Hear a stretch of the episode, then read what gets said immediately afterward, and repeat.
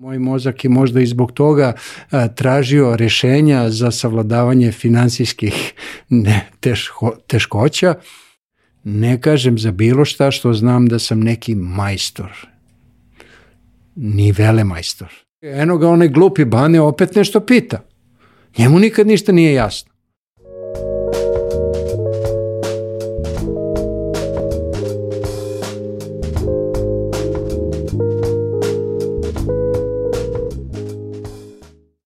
Zdravo, dobrodošli u Fusnota podcast. Ja sam Aleksandra Petrovski i ceo svoj profesionalni život bavim se postavljanjem pitanja. Najviše me zanimaju priče iza priča i logika iza razmišljenja. I to ću pokušati danas da saznam u razgovoru sa svojim gostom Branislavom Maričićem. On je inženjer saobraćaja i osnivač edukativnog centra i izdavačke kuće Finesa. Čerke ga zovu doktor za sve, a njegov životni moto je učim, služim, volim. Hiljade ljudi je naučio kako da uče, a i on i dan danas sam uči, iako je već u starostnoj penziji. I pre nego što krenemo u ovaj razgovor, da se zahvalim meceni, zanatski pečeno i pražioničar kafi koja te vodi u avanturu aroma i jedinstvenog ukusa. Kako vi možete da podržite ovaj podcast, saznite u opisu epizode i naravno ostavite mi komentare kako vam se dopala ova epizoda.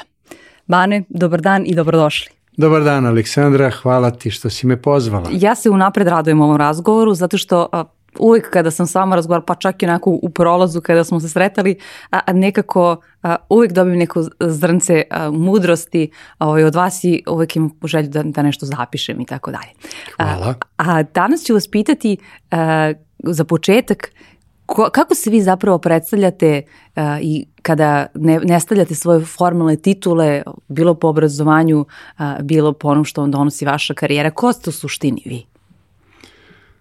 Pa ja bih mogao da kažem e, rečima našeg Jovana Jovanovića Zmaja, čuvenog našeg pesnika, koji je inače po edukaciji lekar, koji je jednom prilikom rekao nije znanje znanje znati, već je znanje znanje dati.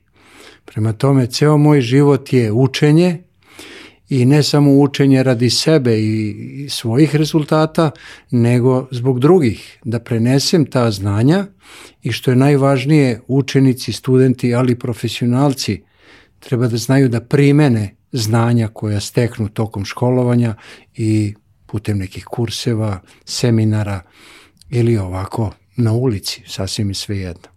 Ja kada uh, razgovaramo o tome čime ste se vi sve bavili uh, do sada u svojoj karijeri, a na neki način formalno vi ste uh, ovaj, i do, ovaj, u penziji ovaj, i sećam se vaše torte a, koja mi je, koja mi je proslavljena i to mi je otkrila deo, deo ove, vas ko, za koje nisam znala, koje smo u, kojem smo u Finesi proslavljali a, ovaj, vaš odlazak zvanično a, ovaj, penziju, mada vi dalje a, ovaj, ste aktivni, a, ali a, tu je bila jedna poruka kako, ovaj, kako vas doživljavaju vaše čerke, pa hoćemo li da, da otkrijemo ovaj, šta je tu pisalo, šta je vaša na neki način mantra a, karijerna pa i životna?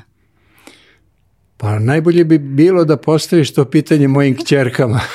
Dobro, ja one obično... vas zovu doktor za sve. Jeste, ali ja uvek kažem za svoje kćeri, oni su lepe, pametne i mudre na mamu, a blesave na tatu.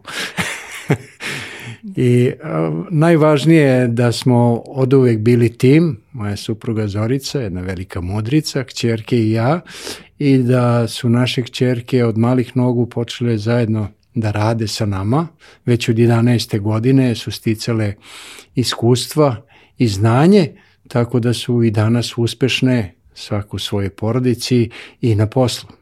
E, vi ste porodično, ali doći ćemo i do tog dela ne samo porodično, ovaj, osnovali sada, ono što je sada izdavačka kuća Finesa, vaša mlađa čerka vodi sada izdavačku kuću, vi ste ne, neosmano još uvek njen deo, ovaj, ne može, ne može da, da, da, ovaj, da se tek tako izađe iz porodične firme na taj način, ali ono što je meni bilo interesantno je da je tamo, ja sam pitala, pa zašto stoji, stajala je ovaj, figurica koja označava ško, ško, autoškolu. I onda mm -hmm. sam zapravo saznala ovaj, i za, za tu vašu priču a, i taj deo, ali hajde da krenemo a, od početka. A, vi ste bili a, student saobraćajnih, izvršili ste ovaj, saobraćajni fakultet i meni je interesantno a, čime ste se sve tokom studija ovaj, bavili. Pa hoćete da nam ispričate ukratko kako je došlo a, do, a, do ovog baneta sa kojom ja danas razgovaram. Po tokom studija sam se bavio i, i poslom, naime držao sam jednu radionicu za izradu predmeta od plastičnih masa i veštačkih smola u Novoj Pazovi. To smo a, moj kumić i ja oformili i radili smo nekoliko godina jer ja potičem iz siromašne porodice, moji su se razvili kad sam imao 11 godina, tako da sam vrlo mlad morao da počnem da radim i moj mozak je možda i zbog toga a, tražio rešenja za savladavanje finansijskih ne, teško, teškoća i kažem tokom studija sam se bavio i tim poslom, morao sam, nažalost, da napustim košarku, igrao sam košarku u radničkom sa Crvenog krsta, kasnije u OKK Beogradu kao junior i bio sam pred vratima prvog tima, ali kada sam upisao fakultet, video sam da ne mogu i jedno i drugo zajedno, pa sam se opredelio za fakultet, a košarku sam nastavio da igram rekreativno, a onda sam i pokrenio i taj mali privatni biznis koji je donosio dovoljno novca u to vreme, našoj porodici, odnosno majici i meni. A kad sam završio fakultet, normalno počeo sam da radim i to u brodogradilištu Tito. Pre toga sam opet radio dok sam nekih 15 meseci konkurisao za razna e, radna mesta širom Srbije.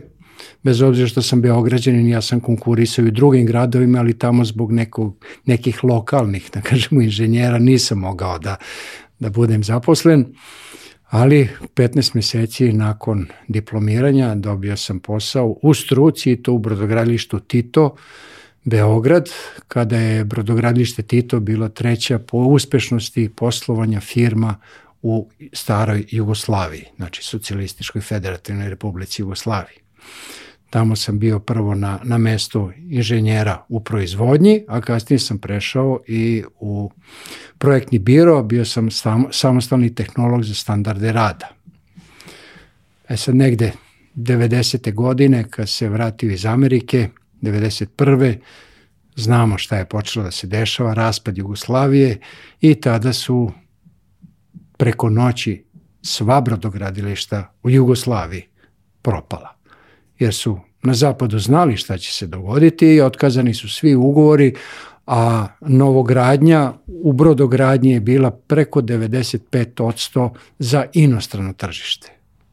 Na primjer, u Ljaniku iz Pule je ostalo osam brodova u crnoj metaluriji, to znači da je izgrađeno samo u limu, bez opreme i otkazani su ugovori. To je veliki teret za jedno brodogradilište da dotera od te faze pa do završne faze. I vi u tom trenutku imate uh, dve tada male čerke uh, i situaciju generalno kakva nije uh, u čitavom društvu i ostalo. Šta vi tada radite? Ovi, da biste jeli, preživjeli i prehranili porodicu, nastavili svoju egzistenciju? Dobro, pa Jelena se pojavila još u tom momentu kada nisam bio zaposlen, ali ja nisam sedeo skrštenih ruku i mahao diplomom pred očima drugih, nego se nisam libio da budem i radnik na gradilištu, pa sam postao i monter i radio sam razne poslove samo da bismo imali novca da zadovoljimo sve naše potrebe. Ali kad sam se zaposlio u brodogradilištu, onda je to bio jedan divan period uh, u našem životu, jer sam imao izuzetno dobar posao, posao u struci, što je najvažnije, radio sam na poslu koji sam voleo.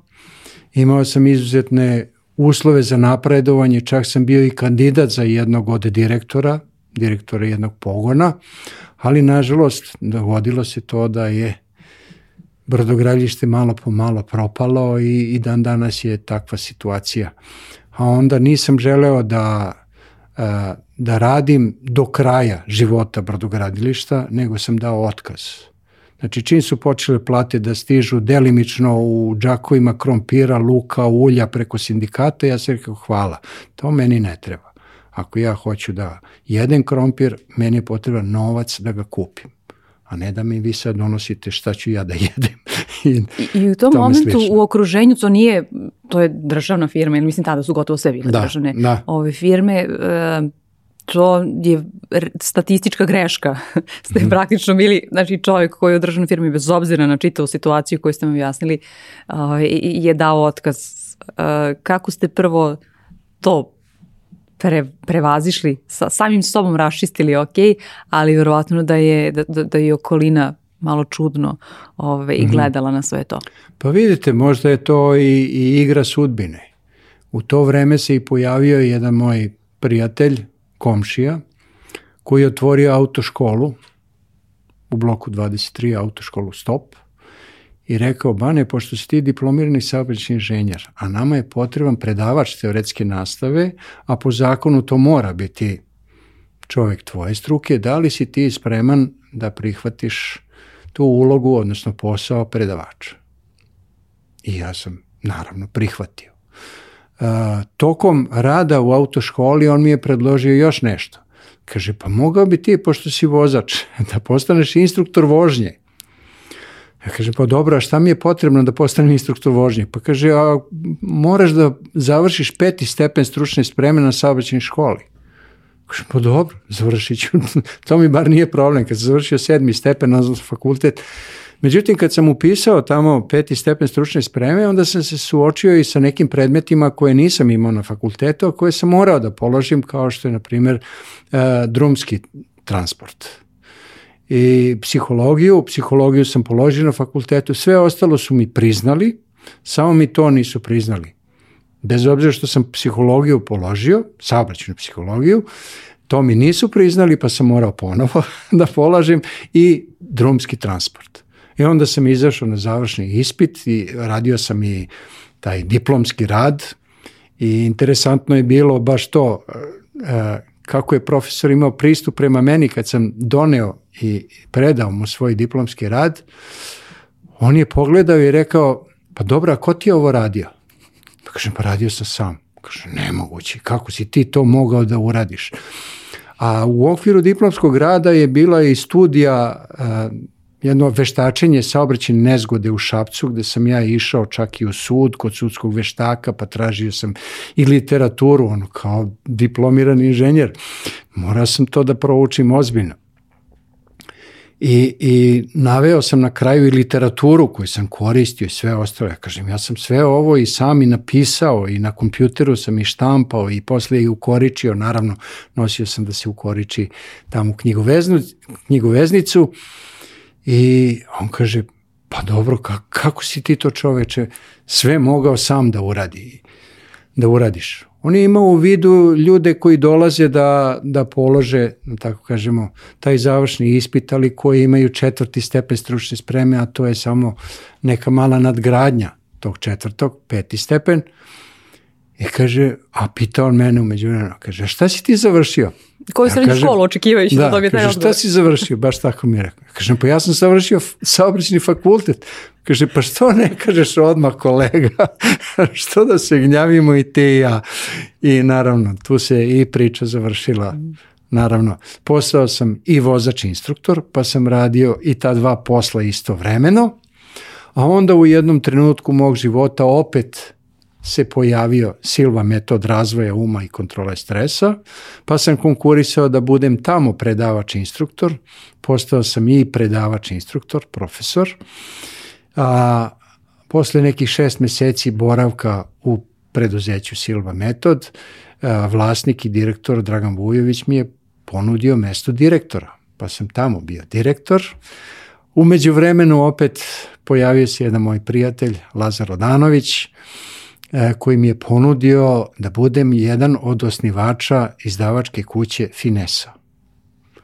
I mi smo i registrovani prvo kao izdavačka kuća Finesa, ali u okviru izdavačke kuće smo otvorili, odnosno u okviru preduzeća, tad se to zvalo preduzeće, sada je drugi naziv, ali isto, e, mi smo otvorili i autoškolu i nas trojice smo bili osnivače, osnivači i radili smo, ja sam radio dupli posao, znači izdavačku delatnost i Božidar Milojković, on je inače vrstan crtač, jedan od najboljih crtača na svetu po meni, crtača stripa. I prvo smo objavili uh, tri primjerka strip magazina Finesa, a onda sam ja predložio njima da nastavimo sa izdavačkom delatnošću, ali da krenemo sa izdavanjem knjiga, odnosno objavljivanje knjiga. I to pre svega knjiga Tonija Buzana, brzo čitanje mape uma. Oni rade se nisu složili, tako da su oni nastavili da se bave svojim poslom, a ja sam razvijao ovaj drugi posao. Umeđu vremenu sam i završio kod Tonija Buzana za predavača, instruktora, znači profesora njegovog programa razvoja intelektualnih veština i počeo sam da držim kurseve brzo čitanje, savršeno pamćenje, efikasno ubrzano i kreativno učenje mape uma i eto, prošlo je već 22 godine kako praktično najviše to radim. I kao što smo malo čas i razgovarali, pre nego što smo počeli priču, moja kćerka Lidija, mlađa kći, ona je postala direktor Finese i aj, mogu slobodno da kažem hvala Bogu na vreme sam se povukao tako da je procvetala Finesa kako sam se ja penzionisao u vezi s tim, ali se nisam penzionisao u vezi sa edukacijom, naime i dalje držim seminare i kreiram nove seminare, obučavam i nastavnike u vezi sa programom Pobedničko učenje. E, ima nešto što je konstanta i vi ste to isto napomenuli malo pre, a to je uh, to da vi učite i podučavate druge.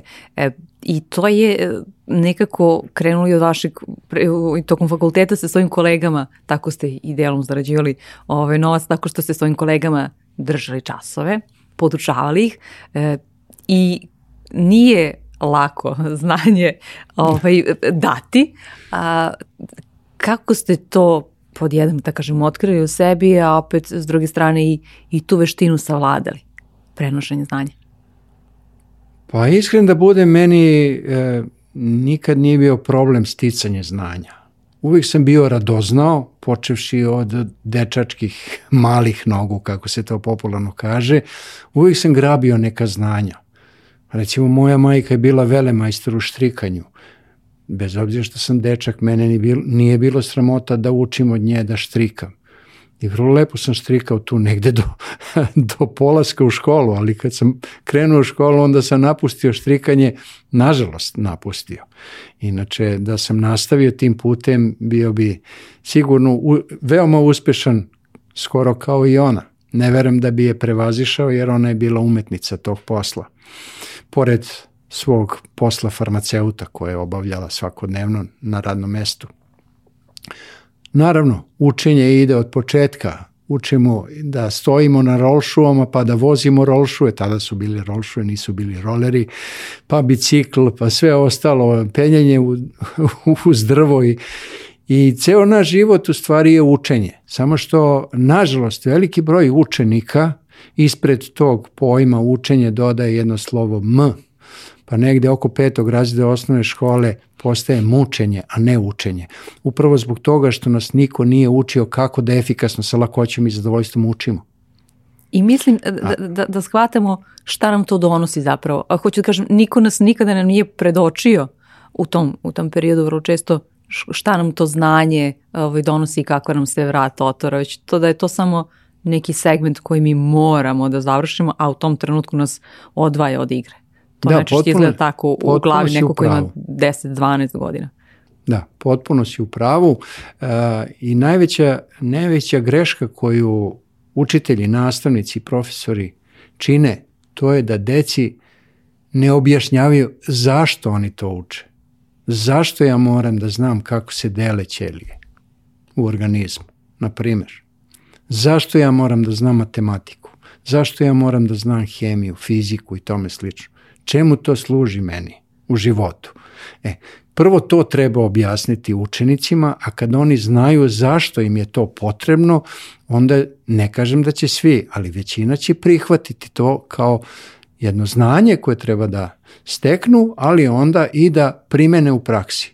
Evo, tokom svoje 22-godišnje prakse ja učenicima, bez obzira na kom su nivou, da li su osnovci, takozvani stari osnovci, sedmi, osmi razred, srednjoškolci, studenti, ali i profesionalci svih struka i profila koji su čak i završili fakultete, postavljam vrlo jednostavne zadatke da vidim na koji način oni razmišljaju. I vidim da se i oni muče da urade zadatak koji je inače za sedmi ili osmi razred osnovne škole. I upravo zato što nas, nažalost, nisu učili kako da razmišljamo, kako da razvijamo svoje kreativno razmišljanje. A onda da to svoje kreativno razmišljanje upotrebimo za rešavanje problema. Da li je to problem iz matematike, fizike, hemije ili je to problem u životu, sasvim i sve jedno. Tako. Ako ja imam problem sa, sa nekim svojim kolegom na radnom mestu, kako da ga rešim? Da budemo zadovoljni kolega i ja. Ili bilo koji drugi problem. Najvažnije je da naučimo da razmišljamo i da razvijemo svoju kreativnost, a onda nijedan problem neće biti zapostavljen i nerešen. E, vratit ću se na Tonija Buzana koga ste spomenuli. E, meni recimo vrlo interesantno kako ste vi tih godina dolazili uopšte do knjiga, jer Finesa je izdala neke stvarno vrlo vredne, odnosno izdala, objavila na srpskom jeziku vrlo vredne knjige i Buzana, Kiyosakija i Tracyja, koje su mnogim ljudima ovako, ja kad ih pitam koje su knjige vama promenili život, to su neke koje vrlo često spominju. Odlično pitanje. U doba kad smo mi počeli da se bavimo izdavačkom delatnošću, tada nije bilo interneta kod nas. I nisam imao tu mogućnost koju danas izdavači imaju da pretražuju internet i da vide šta sve postoji u svetu i da li je to u skladu sa njihovim izdavačkim planom. I da praktično kao što... A istaći ću i ti si urednica nekih naših izdanja, na što sam ja ponosan. E, stvari u tome e, da su meni i moji prijatelji davali neke ideje, ali do nekih ideja sam dolazio i sam. Konkretno u vezi sa Tonijem Buzanom uopšte i nje, knjigama koje on napisao i koje smo objavili. I ne samo to, nego ja sam išao i u Englesku kod Tonija Buzana da izučim njegov program razvoja intelektualnih veština i to sam doneo u tadašnju Jugoslaviju. E, stvari u tome da sam nešto prepoznavao sam, ali neke knjige su mi, kako to popularno kažemo, kao na tacni doneli moji prijatelji. Recimo, Ali to nije slučajnih okolnosti, to postoji da se tako nešto desi, ne donose baš svakome ovaj, na tacni, tako da postoji serija stvari koja se desi da se tako nešto, da kažem, zasluži. To je samo šlag na to. Pa jeste, potpuno si u pravu. Ja ne želim sad na neki način da se reklamiram, ali kad čovjek radi na sebi, kad izgrađuje sebe, iznutra, mislim, neki izgrađuju sebe s polja, ali ta investicija se vidi i očigledna je, ali kad čovjek izgrađuje sebe iznutra, postaje na neki način magnet koji privlači povoljne okolnosti u svoj život. Kao što zna, Brian Tracy je izuzetan autor i govornik, predavač na seminarima i izuzetan menadžer, čovek koji je i formirao preko 200 kompanija e, i koji radi kao savjetnik u kompanijama, on kaže zacrtajte precizno svoje ciljeve i kada tačno znate šta želite da ostvarite, tada svakoga dana učinite korak ka cilju i bit ćete svakoga dana sve bliži postizanju, ostvarivanju svojih ciljeva. A u jednom trenutku će početi, početi ciljevi da se približavaju vama. To deluje kao magija, ali nije. E upravo je, može se tako objasniti taj neki unutrašnji magnetizam koji privuče povoljnu priliku. I veliki broj ljudi smatra da su povoljne prilike negde daleko od nas tamo u Australiji je bolje, tamo u Sjeni američkim državama je bolje, uvek je negde na drugom mestu bolje. Ne najbolje tu gde jesam sada. Ja sam imao priliku da odem u Australiju, čak imam i rođake tamo. I ja sam hteo da idem sa dečicom kada je ovde bilo dobro. Ali kad je ovde u, u ja slobodno kažem, Jugoslaviji postalo sve lošije, loš, postajalo sve lošije i lošije, ja sam rekao, e sad neću da idem. Sad je izazov da ostanemo ovde. I vrlo je važno da se suočimo sa izazovima, a kada stvorimo i tu magnetsku privlačnost na neki način, onda rešenja dolaze sa strane. Ono što je najvažnije da znamo, to je da su prilike svuda oko nas i najbolje prilike su ispred nas. Najbolje prilike su na vrh našeg nosa, ali ih većina ljudi ne vidi, ne prepoznaje. I to hoću da vas pitam, baš taj moment, uh, kako ste se navežbali, mislim, to se definitivno vežba, to je, neki ljudi su rođeni sa tima, ovaj, ima, ima momenta gde se vežba, da vidite zapravo, da idete širom otvorenih očiju i, i ušiju, da vidite uh, te prilike i ono što je važno nekako da znate da zgrabite ono za koje smatrate da jeste za vas, jer nije svaka prilika za svakoga. Iako nečemu vidite, ali nije, što se moderno kaže, fit sa vama. Tako je. Ja uvek ističem to znaju svi moji prijatelji i ljudi koji me poznaju, da sam mnogo naučio boraveći u, u preduzeću Silva Metod i kao predavač i kao direktor, ja sam tamo mnogo naučio. Zaista mnogo sam naučio i ne samo da sam naučio, nego naučene tehnike sam primenio u praksi.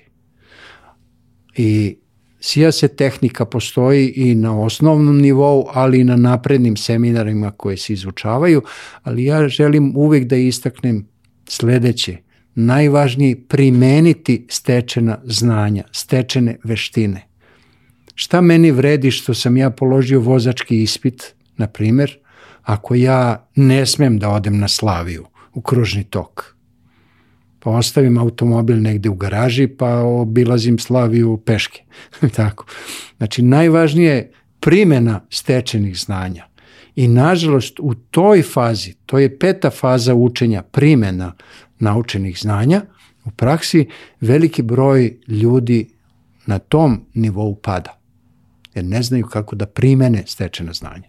I koji je, ko je tu tas, odnosno jezičak na vagi koji, koji prevagne, hajde da kažemo da primenite stečeno znanje? Šta je tu što je ono odlučujuće? Da, da budete hrabri, da verujete su intuiciji, mislim to je nekako u, istoj, u istom košu, hajde da kažemo, šta, šta vi... E, upravo, upravo si pomenula ključnu reč, odluka. Nije dovoljno moći, nego i hteti. To je izuzetno lepo rekao Emil Kue u knjizi Kako gospodariti sobom. Nismo mi objavili tu knjigu, da nije reklama. ali, ali dobro, to je, ali, jeste reklama na taj način, za drugoga. jeste. On je rekao, nije dovoljno moći.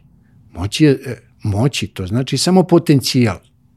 I kao što ja svojim učenicima govorim, mi smo inače na drugom spratu, ali to je kao četvrti sprat, stara gradnja tamo u Krunskoj. Ja kažem, ja mogu da skočim kroz prozor, ali znajući zakon gravitacije, to ne bi bilo dobro po meni. Znači, ja mogu da skočim kroz prozor, ali neću. Ja mogu da pročitam ovu knjigu i hoću, ja mogu da naučim matematiku i hoću, ili mogu da naučim matematiku, ali neću. E, upravo to hoću ili neću, to je odluka. I veliki broj ljudi, nažalost, ne odlučuje. Ali kad se donese odluka, i o tome govori i Brian Tracy i mnogi drugi autori i knjiga i mudraci, kaže, kad si doneo odluku, onda sprovedi to u delo. I Tu je ključ rešenja. Da ne bude samo da ste vi donosili potpuno, da, da je svaka odluka ka kojoj ste otišli bila prava ona. Šta ste radili? Ne, šta ste radili u tim, spomenuli ste malo pre uh, ovaj, izdavanje stripa, taj strip je imao samo tri ovaj, broja i nije uh, ovaj, nije nastavio svoj život ovaj, dalje, uh, ali šta radite onda sa tim odlukama koje jeste doneli misleći da, da su one dobre i prave, ali koje se spostavi na kraju nisu to. Pa i te odluke koje sam doneo su deo mog života. Evo daću dva primjera, bio sam u Italiji kada se u prvi put u Italiji pojavio takozvani stomak eliminator, ovi mladi i ne znaju, to je jedna spravica za vežbanje trbušnih mišića i ona je bila dobro reklamirana ovde kod nas a, kada, su, kada je počela i proizvodnja. Ja sam to video pet godina pre nego što se pojavilo u Jugoslaviji, u Italiji. Ali nisam prepoznao tu priliku. I u okviru te sprave prodavali su se još dve spravice za vežbanje podlaktica, jačine stiska, e, šaka i nisam prepoznao tu priliku. Pet godina kasnije gospodin Kačar je prepoznao tu priliku, pokrenuo i proizvodnju i napravio dobar marketinški plan, tako da su svi u kući imali bar po jedan stomak eliminator, čak i oni koji nemaju uvećan stomak, oni su imali bar jedan primerak. Recimo na londonskom aerodromu sam video e, davno kada sam bio u Engleskoj, u Puzan centru, video sam knjigu o Harryu Potteru. I 15 puta sam je ja držao u ruci. Ali nisam osetio tu priliku da će to biti knjiga koja je možda i najprodavanija u poslednjih Zapravo 20 da, godina. Jeste, da. Posle Biblije najprodavanija knjiga na svetu. E, o tome se radi. Znači ima i mnogo prilika koje sam ja propustio, ali najvažnije ako propustimo neku priliku, da onda ne žalimo za tim, nego da izvučemo pouku. I šta ste iz toga, ste recimo ova dva konkretna slučaja koje ste naveli naučili? Pa naučio sam upravo to, kada se, prijavi, kada se pojavi prilika i, i, i ako, ako nemaš neki unutrašnji osjećaj u redu, ali ako imaš neki unutrašnji osjećaj uh, da uradiš to, onda to uradi. Ali ja sam naučio da je ta moja neodlučnost bila pro, presudna u tome i onda sam to gledao da u buduće ne radim. Znači, postao sam odlučniji. A nekada ljudi tu neodlučnost zapravo tumače kao unutrašnji glas koji im kaže to nije tvoja šolja čaja. Kako vi posmatrate to? Mm -hmm. Vi ste se kolebali, ali ja u tom trenutku niste, odnosno ovaj, kada je nečija druga šolja čajaca bila, ispostavilo se da, da ovaj, je mogla biti vaša. Pa jeste, ne, neko kaže da smo mi uh, dvojaka ličnost, kako neko kaže Eros i Thanatos, odnosno i, i vrag i bog su u nama na neki način. Kad su oni u ravnoteži i kada su u miru, onda nema nikakvih problema. Ali ako poslušamo jednog, koji nam kaže ispravnu stvar, a onda se pojavi onaj drugi, da pa kažemo izaziva, taj da. takozvani da. đavolak, pa on iznese svoje argumente, onda ako nešto prevlada od toga, onda može biti i pozitivna, ali i negativna odluka. Ja se sećam kada smo mi uh, na sličnom ovakvom razgovoru uh, vodili dijalog, a vi ste rekli uh, ja sam u tom momentu bila tek, tek trudna i jako mi je značili, toga se držim i danas, ali naprosto opisali ste kako naši roditelji našu intuiciju kvare, hajde tako da kažemo. I vola bih ako, ako ste raspoloženi da ponovo, bez obzira što se nismo zvanično dogovorili, da to pričamo ali da, da ponovite to koliko čak i u tom periodu kada a, želeći da, da nas zaštiti i tako dalje, nam roditelji kažu pa nije to tako ili ma nisam ja nervozan i tako dalje, ali zapravo našu utiču ovaj, da mi ovaj, potisnemo našu unutrašnju intuiciju i to nije dobro. Pa jeste. E, stvari u tome da veliki broj ljudi smatra da je intuicija naše šesto čulo. Kako god da ga nazovemo, ali intuicija postoji. A intuiciju možemo definisati jednostavno kao neki unutrašnji glas koji nam govori šta treba da uradimo. Ali zašto ne slušamo u velikom broju slučajeva svoju intuiciju? Upravo zbog toga što nemamo poverenja u nju A to poverenje u intuiciju su nam upravo, nažalost, ne znajući i naši roditelji na neki način potiskivali u podsvest. Na koji način? Tako što su u najboljoj nameri, a znamo da su da je put do pakla popločan najboljim namerama, e, nešto, da kažemo, skrivali od nas. Pa recimo dođe mama iznervirana sa posla, možda je šef vikao na nju iako nije bila ona kriva. I sad trudi se pred detetom da bude dobro raspoložena, ali dete intuitivno osjeća da, mam, da je mama ljuta, da nije dobro raspoložena, čak i pita, mama zašto si neraspoložena, ona, onaj veštački osmeh i kaže, ma nisam, baš sam dobro raspoložena. I onda kada se to ponovi više puta, onda, pošto je mama najveći autoritet u životu deteta, jer je prvo dete boravilo 9 meseci, oko 9 meseci u, njenom stomaku i slušalo sve iz polja i iznutra, mamino, onda mama kao najveći autoritet kaže, mama je u pravu. Mama nikad ne laže. I onda potisne intuiciju. Drugi put opet Mama je u pravu, potisne. Pojavi se i tata kao drugi autoritet, pa i on nešto kaže u najboljoj nameri da skrije malo od nas, jer nismo dovoljno porasli i tako. Malo po malo potisku intuiciju i u jednom trenutku dete kaže taj unutrašnji glas, to je nešto bez veze. tako, to je nešto što mi samo smeta. Međutim, nije, naprotiv. Intuiciju treba razvijati. I ono što je najvažnije što želim da istaknem, to je da e, nismo zauvek izgubili sposobnost intuitivnog i donošenja odluka i, i slušanja, da kažemo, tog unutrašnjeg glasa. Potrebno je samo da se primirimo i da se zapitamo gde smo mi sada i ko smo mi sada.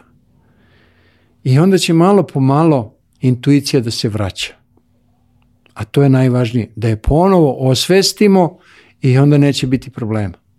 Spomenuli ste malo pre rad sa decom, ok, ovo su o, ove, o, uzrast koji je malo mlađi, koji ste sada pričali, ali a, vi, vi radite i sa školskom decom i, i sa odraslom decom. A, kako uspevate, opet pokrivate širok dijapazon veština kojima ih učite, e, kako ste vi to sve uspeli da savladete na tom nivou da, da njima prenesete znanje? I hajde da spomenemo šta je sve to. Pa kao što sam istakao već na početku, ja sam večiti učenik. I ostajem večiti učenik. Ne kažem za bilo šta što znam da sam neki majstor. Ni vele majstor. I to je važno posla. da kažemo, da istaknem kao da, ja to znam, ali nisam izuzetan u tome. I da budemo u redu sa tim. U nekim stvarima sam veoma dobar, ali postoji na hiljade i hiljade ljudi koji su bolji od mene. Ja obično za sebe kažem ako nešto znam to je matematika i od uvek sam obožavao matematiku i matematiku sam i na fakultetu položio kao šale. Ali ima na milione boljih matematičara od mene. O to, ali najvažnije je da ja volim matematiku. I ne samo da volim matematiku, nego ja volim da učim. I ono što je najvažnije to je da razvijemo kod dece, ali i kod odrasli. Svi smo mi deca. Ja sam dete svojih roditelja. To što imam skoro 69 godina, to nije važno. Ali ja sam dete. Tako. Znači, svi smo mi deca da razvijemo tu ljubav prema učenju. Jer e, znaš i samo iz ličnog iskustva, kad nešto dobro naučiš i kad to primeniš u praksi ili kad preneseš to znanje drugome, pa da li postoji bolja i, i slađa emocija, da se tako izrazim, od toga. Onda čovek, da kažemo, ispunjen nekom pa mogli bismo rekli i, i božanskom mudrošću. A kako vi uspevate da, da razvijete ljubav prema učenju kod drugih ljudi? Pa svi mi imamo prirodnu tu ljubav prema učenju, ali nažalost školski sistem, ja ga namerno neću nazvati obrazovni sistem, nego školski sistem nam malo po malo sistematično potiskuje tu ljubav prema učenju zbog svojih krutih pravila. Recimo, finski obrazovni sistem smatraju u celom svetu kao najbolji obrazovni sistem na svetu. Da li si ti mogla da, da zamisliš uopšte u osnovnoj i srednjoj školi na fakultetu da deca u odeljenju sede na podu, da leže po trbuške u učionici tokom časa. To u Finskoj može. I da Nema su, nikakve problema. I da su svi ok, funkcionišu u zajednici, što je, što je vrlo često... Se druga, kao taj... stvar, druga stvar je ta sloboda i, i sloboda napredovanja. O čemu se zapravo radi? Kod nas postoji nastavni plan i program i nastavnik mora da ga sprovede u delo po svaku cenu. Međutim, oni su danas i opterećeni e, velikom administracijom, što im oduzima i energiju i vreme, što je strašno, i rade u nehumanim uslovima, moglo bi se reći. I male plate i kakve su već, kakva je organizacija školovanja uopšte, ali hajde da kažemo i da su najbolji. Oni nemaju uslove da sprovedu na pravi način plan i program. Zbog čega? E upravo zato što ne napredujemo svi istim tempom. Ti si izuzetno inteligentna. Tebi to ide sve kao šale. Ja nisam kao ti. Meni je potrebno više vremena. Ali to ne znači da ćeš ti biti bolje od mene kad ja to jednom razumem, shvatim, utvrdim i primenim u praksi. E, upravo finski obrazovni sistem to dozvoljava. Oni nemaju ni ocenjivanje do šestog razreda osnovne škole. Nema ocena. Što ne znači da učitelj, nastavnik ne zna sve o svakom učeniku koga poučava. Zna vrlo dobro, ali ih ne opterećuju time. A znalo se, ja sam recimo i u okviru matematike koju znam bio veoma brz. 2 puta 3 je 5, a 2 plus 3 je 6. Zamenim računske operacije, uradim ceo zadatak i onda 2 puta 3 je 5. I na kraju zvrlj, crveni, crveni x preko celog zadatka zbog toga. Ali ja da sam nastavnik da vidim ceo taj postupak i vidim na kraju grešku. Rekao bi učeniku, bravo, ti si to fenomenalno uradio, ali zbog nepažnje ti si napravio na kraju grešku. Sledeći put gledaj da ti se to ne ponovi. Ako treba, pet puta izračunaj, dva puta tri, pa ćeš četiri puta doći do rezultata šest. Ajde samo jedan put možda, možda pet. Da, imala sam ja takve slučajeve, čak i na upisu u gimnaziju, da sam zbog toga imala manje bodova, zbog krajnje računske operacije, iako je postavak bio tačan. Tako da to jeste stvarno velika frustracija, pogotovo u tim mladim godinama kada se još formiramo. Da. Ali vi ste nekako ona dobra strana koja dobra strana, koja pomaže deci one, one koje žele obrazo, ovaj, osnovno srednja škola su obavezne, ali ovaj, ono čime se vi bavite nije obavezno. A, ovaj, I kako uspevate ipak da premodelujete, hajde tako da kažemo da to ne zvuči ovaj, ružno, a, i, i da date podstrek tim malim mozgovima? Pa primetio sam tokom ove 22 godine držanja seminara i predavanja širom Jugoslavije da nažalost sve više ima dece koje nemaju samopouzdanje i samopoštovanje. Znači veru u sobstvene sposobnosti. A i tu veru u sobstvene sposobnosti nam nažalost od malih nogu čak i roditelji ubijaju. Ne, nisi ti sine za to. Ili kćerko, drži se ti ovoga. Nije to za tebe. I tome slično. Čemu sud? Da li smo toliko mudri, toliko znamo da osudimo, po znacima navoda, naše dete, da je on za nešto, a da za drugo nije. Najvažnije je da otkrijemo talente dece, jer nije svako dobar matematičar. I to je u redu. Naravno. Ali nije svako dobar u, u muzici. Moj primer konkretno, moj otac je hteo da budem harmonikaš ali kupio je čak harmoniku i angažovao je najboljeg učitelja harmonike u to doba da me poučava, ali on je rekao, Simo, lepo je sve to, može on da nauči da svira harmoniku tehnički, ali dete nema talenta, nema sluha, biće gubljenje vremena mog i njegovog i njegovih živaca i tvojih para što me plaćaš, bolje da se okanemo ćorava posla kako mi to popularno kažemo. Tako da smo prodali harmoniku i kupili bicikl. E, to mi je išlo Investicija mnogo bolje. Jer sam se bavio raznim sportovima od malih nogu i bio sam veoma dobar u tome. E, stvari u tome e, da, da nam i učitelji i nastavnici, ali naši drugovi i drugarice uh, ubijaju, ubijaju to samopouzdanje. Na primer, ja sam bio dete koje stalno nešto pitalo. I onda su neki moji drugovi i drugarice u osnovnoj školi govorili, eno ga onaj glupi bane opet nešto pita. Njemu nikad ništa nije jasno. Međutim, ja želim da istaknem ono što je rekao i Albert Einstein. On je bio čovek koji postavljao veliki broj pitanja i kršio pravila. Kaže, najinteligentniji ljudi na svetu postavljaju najveći broj pitanja, a to su oni mali. Mama, mama, a zašto ovo, a nije onako, a tata, tata, zašto je ovo, a nije ovako i tome slično. A onda dođe opet autoritet. Čuti, bre, ti mali, šta ti znaš? I jedno tamo piše u knjizi I, da je to tako. Da. E onda znaju i naši učitelji i nastavnici da nas okarakterišu kao glupe. A ja kažem, niko nije glup. Ako imamo zdrav mozak, mi smo izuzetno inteligentni, potrebno je samo da zavolimo učenje i onda neće biti nikakvih problema. Pa pitam obično i učenike, a da li postoji neki predmet koji ti voliš? Neko kaže, ja obožavam biologiju. Ja kažem, ali postoji neki predmet koji ne voliš? Kaže, mrzim hemiju. Kako možeš da mrziš hemiju? I onda objasnim kratko koliko je hemija jedna divna nauka i svuda je hemija oko nas. A tako? Kako ima I ovaj tvoj da? žaketić divne zelene boje kao mlada trava. Tako. Zahvaljujući hemiji i šminka i, i sve ostalo. Svuda oko nas je hemija. Divna nauka. E, samo je pitanje kako nam se prenose te naučne discipline u osnovnoj školi, srednjoj školi i kasnije.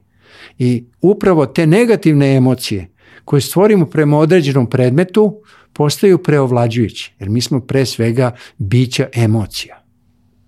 Ne samo intelekta, logike i analize i kreativnosti, nego i emocija, što je veoma važno. Pa prema tome, ako izgradimo negativan mentalni stav prema nekom predmetu, to može da bude iz raznih razloga, onda će nam taj predmet, kako popularno kažemo, ići teško. Ja kažem, ništa nije teško. Zamenimo tu reč pojmom izazovno. Jer kad kažem da je nešto teško, onda mozak kaže, dobro, ti ne želiš da se ja time bavim, idem ja da se igram, odnosno da mašta.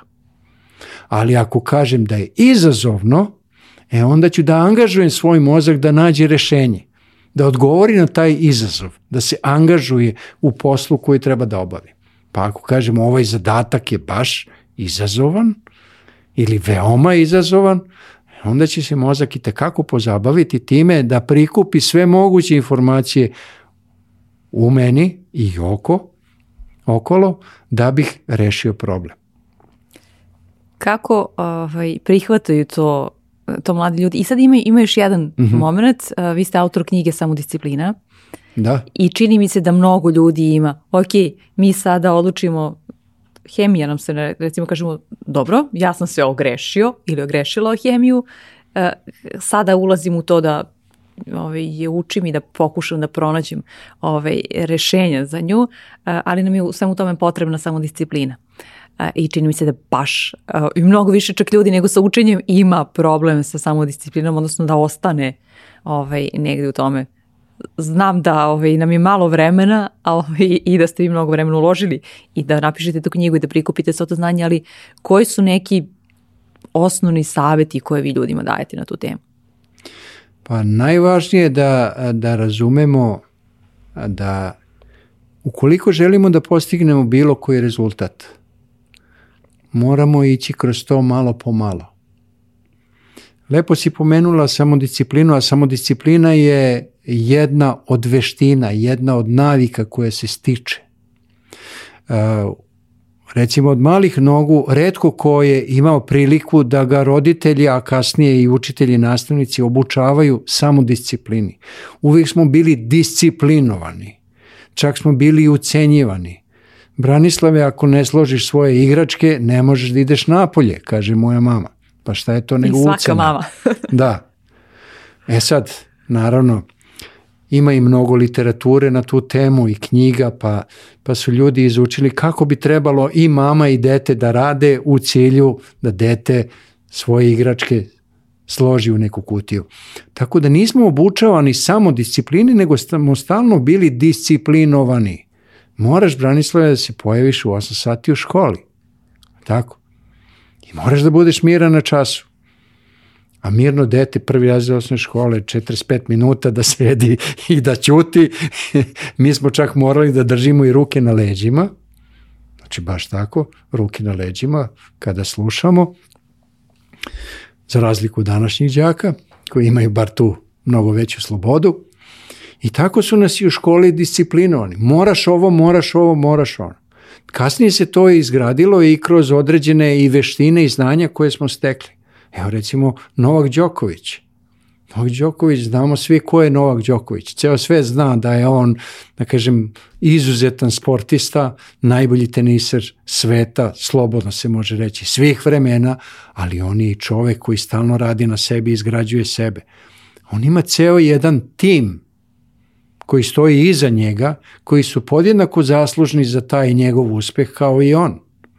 On ima kondicionog trenera.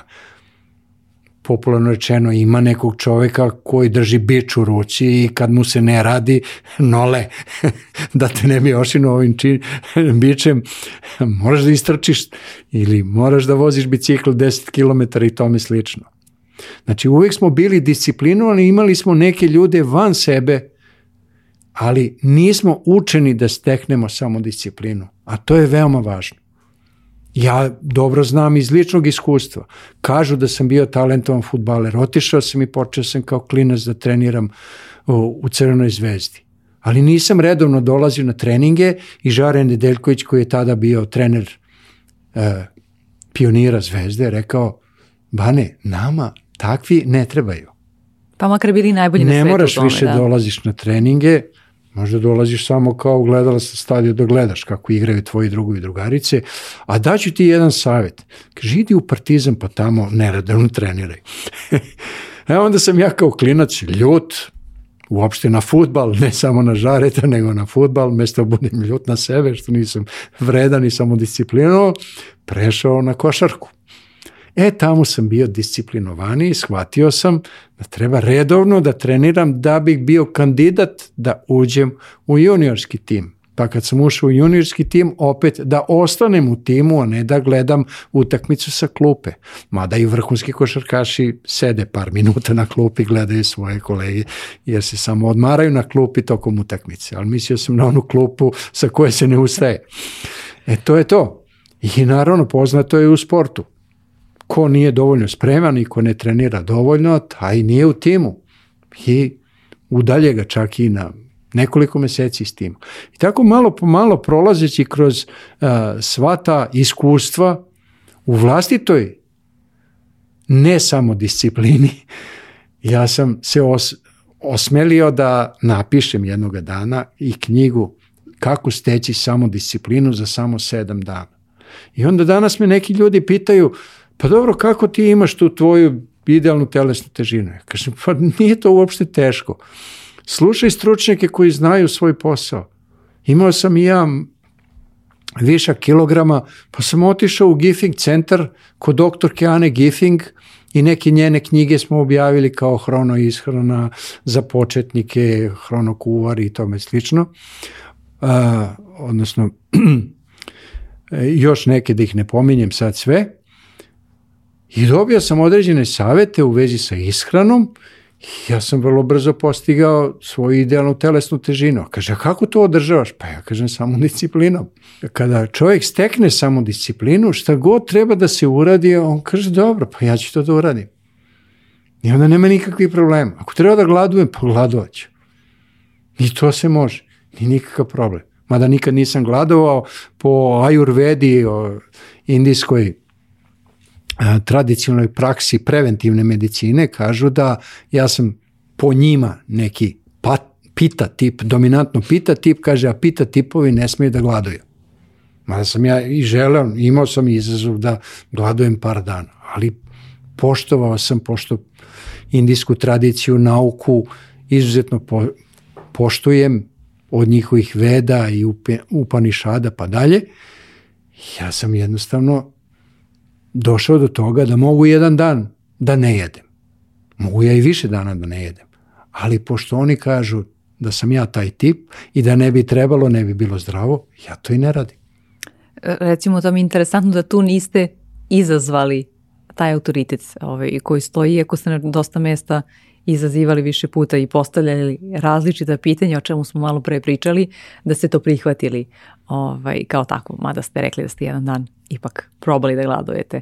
Ovaj, e, da zaokružimo sada ovu priču, koje su to sve, da kažem, paket znanja i veština koje treba da, da posjedujemo, a da budemo opremljeni uh, za nastavak 21. veka, hajde tako da kažemo, i za ovaj svet koji je dosta uh, nesiguran i jedino što, što je sigurno je uh, da nas očekuje tako i kako je ovaj, nesigurnost i neizvesnost i nejasnoća nekada u nekim pravilima koja su sve manje jasna.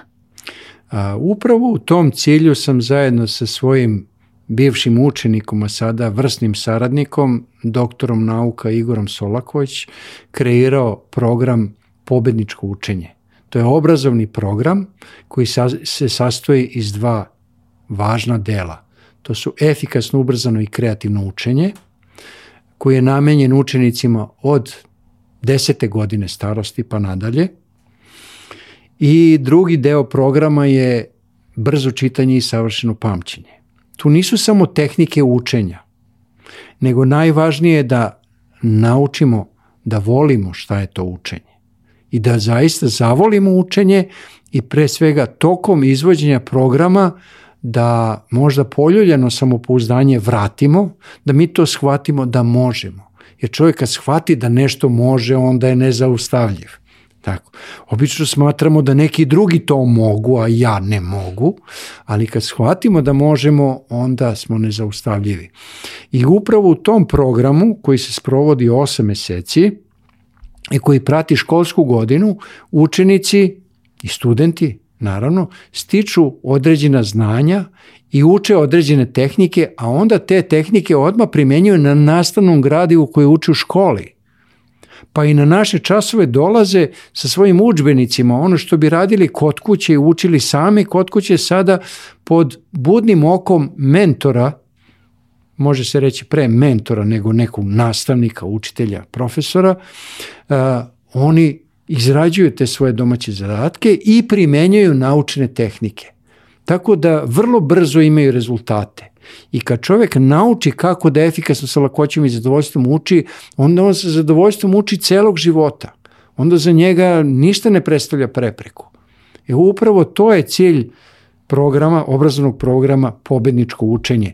Upravo smo ga i zbog toga i nazvali pobedničko, da čovjek bude pobednik nad sobom, da učini najviše u skladu sa svojim sposobnostima, mogućnostima. Jer veliki broj nas smo i izuzetno talentovani. Ja imam učenike koji su izuzetno talentovani u okviru muzike. Pa kaže, išao sam u osnovnu muzičku školu, pa sad ne idem. Pa zašto ne ideš? Pa Bog ti je dao taj talent, treba da ga razvijaš. Znači ono što smo dobili, to treba i da razvijamo. I onda ih ohrabrujem na tom poslu. Recimo, jedna od mojih izuzetnih učenica koja je sada već student, Maja Krstić, ona je završila prvo seminar brzo čitanje kada je imala 11 godina. Onda je bila najbolja u celoj grupi, a to je bila heterogena grupa, tu je bilo i, i devojčica i dečaka i devojaka i odraslih muškaraca, znači osnovaca, srednjoškolaca, studenta, čak su bili neki diplomirani pravnici na seminaru ona je postigla najbolji rezultat. Ne samo u brzini čitanja, nego u stepenu razumevanja i pamćenja i prisjećanja na materijale koji se daju na seminaru za čitanje. I pre godinu dana se pojavila opet, ona inače učila iz knjiga koje smo objavili, ali se pojavila opet, kaže sad treba da imam velike ambicije, sad treba da upišem i fakultet i to veoma zahtevan fakultet Tako da želim ne samo da obnovim ono što smo naučili, nego da steknem i nova znanja, napredne tehnike brzog čitanja, napredne tehnike pamćenja i napredne tehnike učenja, da bi bila najbolje u tome. I ja je pitam, ali još uvek sviraš? Pa naravno da sviram. da, ona je stekla samo disciplinu. I recimo kad nauči neku određenu tehniku, ja sam je, evo daću samo kao primer, E, neće dugo trajati. E, Dominik O'Brien, osmostruki svetski šampion u pamćenju, osmislio tehniku koju on nazvao tehnika putovanja. Naime, recimo, kao u Beogradu, e, bulevar, recimo, kralja Aleksandra. Tu s jedne i s druge strane ima nekih lokala, banaka, pekara i tako dalje. On je pojmove koje je trebalo da zapamti vezivao za te određene neke lokale, lokacije, da tako kažem. Kao što postoje brojevi na zgradama, kao što postoji broj ovde ovog studija 66, Ustaničke 66, tako postoji odgovarajuće institucije ili neki lokali, neke zgrade i tako je on pamtio i kad sam i ja otkrio tu tehniku, Na sledećem času kad je došla, ja je pitam, e si primenila? Naravno da sam primenila. Kaže, odmah sam zapamtila sto pojmova. Inače, a, najvažnije još jednom da istaknem, ključ je u primjeni. Evo recimo, ne znam da se sećaš ti, ali ovi mladi sigurno i ne znaju. Kada je bila ona prva, prvi show uh, Velikog brata, pobednik je bio Ivan Ljuba.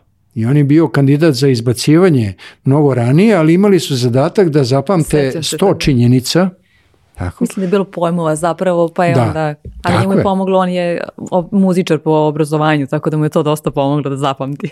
Između ostalog, da ali on je, on je, kažem, učenik naše škole. E, nisam znala, da, da. ali dobro, da. tu živi, tako da... A on je naučio jednu tehniku pamćenja i on je primenio tu tehniku pamćenja i zahvaljujući tome nije bio izbačen, nego postao i omiljen. Je zapravo postao je da. omiljen i na kraju je i pobedio i taj novac koji, koji je osvojio je pametno investirao.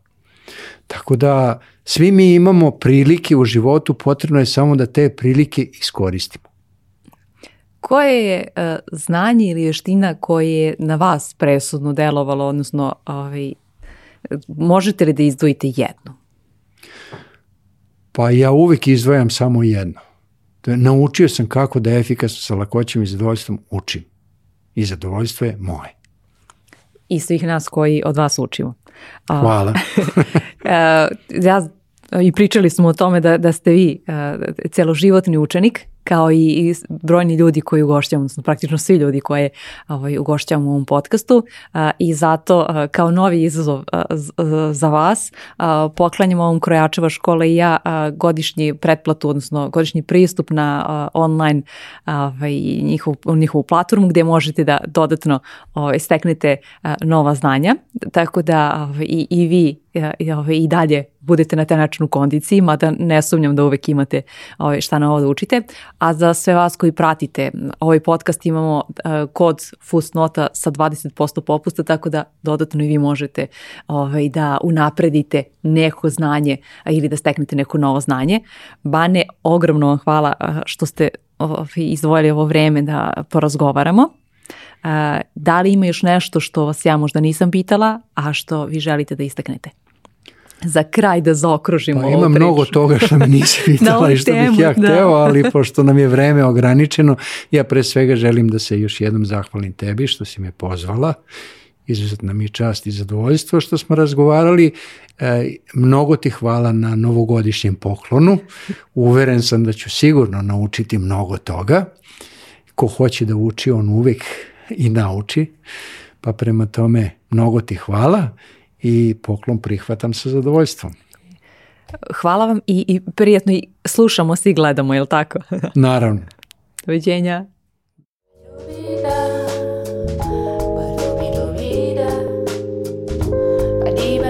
da,